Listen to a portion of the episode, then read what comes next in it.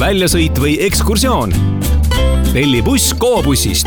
Go-buss pakub kaasaegseid ja keskkonnasäästlikke üheteist kuni viiekümne kohalisi busse, milles ka pikk sõit on mugav puhkus. sõidame nii Eesti-siseselt kui ka Euroopas, Skandinaavias, Balti riikides ja Venemaal. helista kohe ja telli buss kuus kolm üks null null üks üks või kirjuta tellimine at gobuss.ee Kuku Raadios välja öeldud seisukohad ei pea ühtima Kuku Raadio seisukohtadega.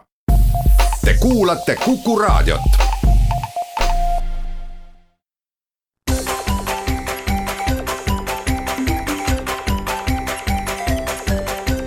maksumaksja koostöös Eesti Maksumaksjate Liiduga tere päevast, eetris on saade Maksumaksja, mikrofoni ees on Lasse Lehis.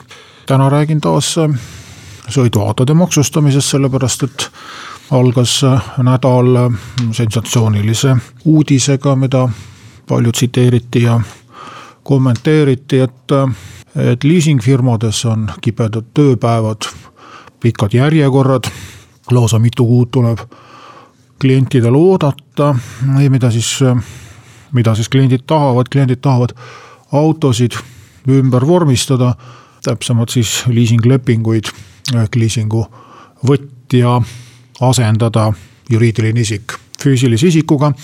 seda tehakse ka liiklusregistris, omaniku vahetus kiire ja mugav, aga suurem osa meie vähemalt uuematest autodest, mida ettevõtjad kasutavad, on kõikide eelduste kohaselt liisinguabiga soetatud ja tähendab seda, et enne autoregistris klõpsu tegemist tuleb pikk ja piinarikas protseduur läbida, sest kliendi poolt vaadatuna võib-olla tõesti tundub, et me laseme lihtsalt järgmisel kuul arvele uue nime kirjutada ja kui tegemist oleks mobiiltelefoni või koduse internetilepinguga, siis see ilmselt üsna lihtsalt Äh, käikski, äh, sest nende teenuste pakkujatel ei ole teab mis suurt vahet, kas klient on äriklient või eraklient, tõesti hinnakirjad võivad erineda, aga kui me räägime pankadest või liisingutest, siis lepingu muutmine tähendab uue lepingu sõlmimist, see tähendab kliendi maksevõime hindamist, see tähendab uusi laenugraafikuid, see tähendab teenustasusid ja võib tähendada suuremaid kulusid, kõrgemat intressi, kõrgemat kindlustusmakset ja nii edasi. miks siis inimesed seda teevad? teevad seda kõike sellepärast, et esimesest jaanuarist hakkas kehtima muudatus tulumaksuseaduses, mis kehtestas kilovatipõhise ametiauto erisoodustusmaksu, mida küll siiamaani ametlikes kanalites serveeriti kui väga suurt vastutulekut ettevõtjatele, kui maksukoormust kergendavat või vähemalt jäi selline mulje, et suuremal osal ettevõtjatel tuleks justkui hakata vähem makse maksma mõnel üksikul ehk natuke rohkem, aga see pole teab mis suur probleem. nüüd järsku kuuleme, et on neli tuhat autot juba detsembris isiklikuks autoks ümber registreeritud ja, ja mustmiljon veel järjekorras ootamas. järelikult mm, ilmselt miski ei klapi, ju siis uus seadus ikka nii meeldiv ettevõtjatele ei ole, nagu nagu algselt tundus ja eks mina siin saateski seda olen rääkinud ja usun, et äh, asjaga vähegi kursis olevad ettevõtjad on oma vajalikud sammud ära astunud juba varem. Aga, aga tõesti nagu arvata oli, siis paljud on alles nüüd ennast liigutama hakanud ja põhjus on, on väga lihtne, miks miks see uus seadus siis ebameeldiv on ja justkui justkui üllatusena tulnud mõnedele ametnikele, kui, kui uudiseid lugeda. nimelt äh, varasem äh, maksustamine, täpsemalt alates aastast kaks tuhat üheksa äh, kehtinud kord ähm, oli selline, et võis valida kahe variandi vahel, võib-olla isegi kolme variandi vahel, kolmas variant oli see, et ei makstud midagi, öeldi, et see on sada protsenti tööauto. aga et kui ei olnud sada protsenti tööauto, siis üks variant oli maksta neljalt tuhandelt kroonilt, mis on nüüd konverteerunud kahesaja viiekümne kuueks euroks. sellelt siis maksud umbes sada seitsekümmend eurot kuus. Ja teine variant on pidada sõidupäevikut ja maksta siis nii palju, kui sõidupäevik näitab. Kusjuures siin on omakorda kaks varianti, üks variant on maksta makse ja teine variant on kasseerida sõidupäeviku alusel erasõidud töötajatelt sisse. Ja erasektoris kippus minu hinnangul domineerima see teine variant, ehk siis töötajad maksid kinni selle hüve, mis nad tööandjalt said, kui nad töövälisel ajal oma ametiautot kasutasid. mis tähendab seda, et enamike ettevõtjate puhul maksulaekumine oli ümmargune null ja nüüd kui pakutakse siis võimalust sõidupäevikut mitte pidada, täpsemalt öeldes sõidupäevikut ei tohigi pidada. on ainult kaks varianti, kas ei maksa mitte midagi või maksad täissummalt ja loomulikult tegid ettevõtjad sellest oma järeldused ja ametnike siiras üllatus sisult tähendab seda, et ei usutud, et ettevõtjad oskavad loogiliselt mõelda, ratsionaalselt tegutseda ja arvutada. paraku need, kes ise endale auto ostmiseks peavad raha kõigepealt teenima, mitte kusagilt fondist küsima või maksumaksja raha eest seda ostma. ostma paraku peavadki just nimelt ratsionaalselt mõtlema ja seda me näeme. nüüd millised on need variandid, sellest kohe pärast väikest pausi.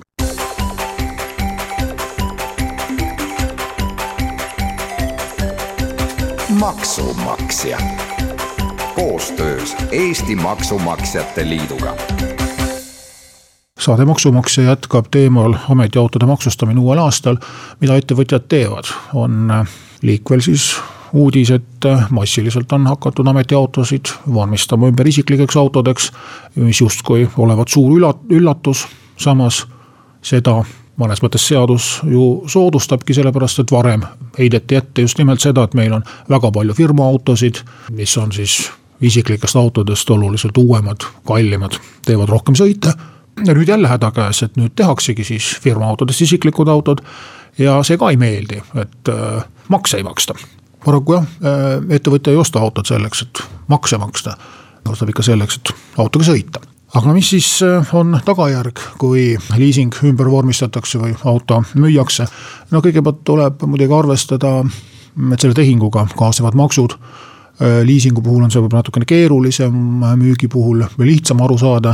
Äh, käibemaks tuleb maksta auto müügihinnalt äh, ja seda eraisik loomulikult tagasi küsida ei saa.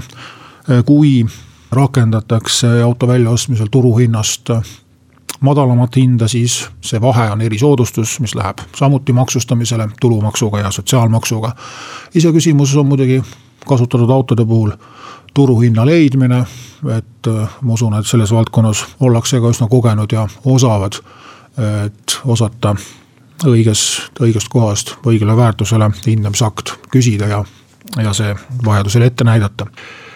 aga mis saab edasi, edasi võtavad ilmselt paljud ettevõtjad lahti tulumaksuseadusest selle koha, mis räägib isikliku auto töösõitudeks kasutamise eest kompensatsiooni maksmisest ja leiavad üllatusega, et seal on sõidupäevik jätkuvalt väga tähtis dokument.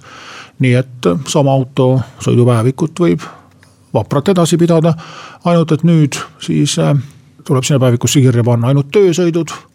Erasõite pole vaja kirja panna ja töösõidud, iga kilomeeter maksab kolmkümmend senti kuni kolmsada kolmkümmend viis eurot kuus. saab siis värskele õnnelikule autoomanikule maksuvabalt äh, peo peale laduda selle eest, et ta oma isikliku autoga töösõite teeb. jah, see summa, kuidas nüüd kellele, äh, kui varem äh, võib-olla kogu liisingumakse oligi nii suur, siis on see küllaltki edumeelne lahendus. ja osavamad ilmselt oskavad sellelt summalt ka käibemaksu tagasi küsida, kui kütusetšekid juurde panevad. see on ka üks tõsiasi, mida maksuamet püüab ettevõtjate eest kiivalt varjata ja neid veenda, et see mitte mingil juhul võimalik ei ole. tõsi jah, suuremaid kulutusi, remonte, rääkimata siis uue auto ostmisest, kui vana päevad loetud on, nendelt jah, käibemaksu ei ole võimalik tagasi saada Mm, ka mitte viitekümmet protsenti, nagu firmaautode puhul see on võimalik. nii et kokkuvõttes siis isiklikuks autoks äh, on mõtet muuta selliseid ametiautosid, mis on juba pikka aega kasutuses olnud, mis on suhteliselt odavad või mille puhul ei ole käibemaksu näiteks üldse maha arvatud, mis on kas eraisiku käest ostetud või näiteks Saksamaalt äh, nii-öelda erikorra alusel toodud, siis see käibemaksu kaotus on suhteliselt marginaalne või seda mm, ei olegi. kui rääkida isikliku sõiduauto hüvitisest, siis lisaks kolmesaja kolmekümne viiele eurole, mida sõidupäeviku alusel tuleb maksta, kui on viitsimist ja tahtmist, siis saab vormistada veel ka töölähetused ka Eesti siseselt siis ühest linnast teise edasi-tagasi sõitmised vormistada töölähetusena ja sinna juurde lisada kütusetšekk, siis saab veel lisaks ka need kinni maksta. et tegelikult võib see summa olla palju suurem kui kolmsada kolmkümmend viis eurot. samuti on esimesest juulist jõustunud tulumaksuseaduse muudatus, mis lubab paljudel juhtudel ka töö ja kodukoha vahel sõitmist mm, maksuvabalt kompenseerida, samuti kas sõidupäeviku alusel või tšekkide alusel. et kui mm, töötaja elukoht juhtub olema töökohast kaugemal kui viiskümmend kilomeetrit, siis on ka suhteliselt äh, kerge neid sõite maksuvabalt hüvitada. või üks alternatiiv on veel osta vähemalt kaheksakohaline sõiduauto, mis samuti on siis tulumaksuseaduse silmis selline väga soositud variant edasi paljud ettevõtjad ilmselt on pööranud oma pilgud salapärase N1 kategooria poole. juba aastaid on sellest tegelikult räägitud, juba siis, kui käibemaksupiirang tuli, et väga paljudest sõiduautodest on olemas sellised suhteliselt sarnased. näevad peaaegu samamoodi välja, aga teatud tehniliste näitajate poolest kvalifitseeruvad kaubiku kategooriasse. ja noh, päris õige pole muidugi öelda, et kaubikud sealhulgas siis sellised sõiduauto sarnased kaubikud, et need nüüd täiesti maksuvabad on. aga tõsi on see, et ähm, kaubikutele ei kehti need erireeglid, mis sõiduauto jaoks on kirja pandud, tõsi, tõsi, mm, vabatahtlikult neid võib rakendada, kes soovib või kellel on südametunnistuse piinad ja tahab riigile makse maksta ja leiab, et äh, nii on lihtsam. aga kaubikutele kehtib niinimetatud üldkord mille kohta võib öelda, et äh, sellest on palju räägitud, aga vähesed on seda oma silmaga näinud. Äh, nimelt see üldkord tähendab seda, et äh, iga sõiduki omanik peab ise välja rehkendama, kui palju ta siis teeb tööga seotud sõite, kui palju tööga mitte seotud sõite. ja leidma siis kuskilt turuhinna või mingid protsendid, mille alusel siis välja arvutama, kui palju see erisoodustus, see erakasutus maksab ja maksuamet seda kõike peab kontrollima või olgu öeldud, et see ei puuduta mitte ainult veoautosid, vaid absoluutselt igasugust tööandja vara. olgu see mobiiltelefon, sülearvuti, taburet või tööriistakast. on selge, et praktikas äh, on vähe neid, kes on midagi kuulnud selliste mm, seadmete erisoodustusena maksustamisest, kuigi teooria ütleb jah, midagi muud ei hakka siin keerulisematest variantidest rääkima, äh, renditeenus on populaarne antakse oma liisinguautod üle rendifirmade kasutusse, tehakse ise oma nii-öelda personaalset autorendi või privaatsed taksofirmad. ja loomulikult ei saa nüüd öelda, et, et nüüd mitte ükski autoomanik ei hakkagi erisoodustusmakse maksma, kindlasti hakkavad maksma.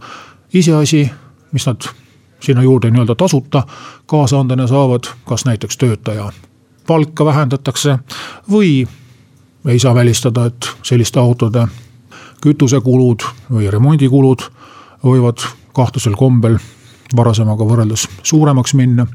siinkohal meenub umbes kahekümne aasta tagusest ajast üks ettevõte, kus oli kuskilt kolhoosi pankroti varast soetatud kuulsa nõukogude aja Lvivi autotehase toodangusse kuuluv lassbuss, mis töötab bensiinimootoriga ja selle bussi käivitamine juba ilmselt võtab paari sõiduauto normi kütust ära, ehk siis üks väga hea kütusetšekkide nii-öelda põletamise masin oli leiutatud.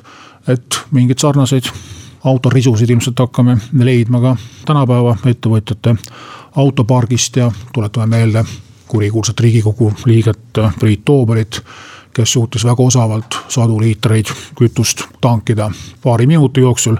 Et asi siis meie ettevõtjatel ka proovida seda kõike järgi teha. nii et kui ikkagi ettevõtjad on püha viha täis ja leiavad, et see maksumuudatus ei ole just kõige targem samm, mida riik tegi, siis paraku tuleb tunnistada, et töötavatelt pensionäridelt raha ära võtta on oluliselt lihtsam kui meie tragidelt autoga liikuvatelt ettevõtjatelt. tänan teid kuulamast, kohtume taas nädala pärast.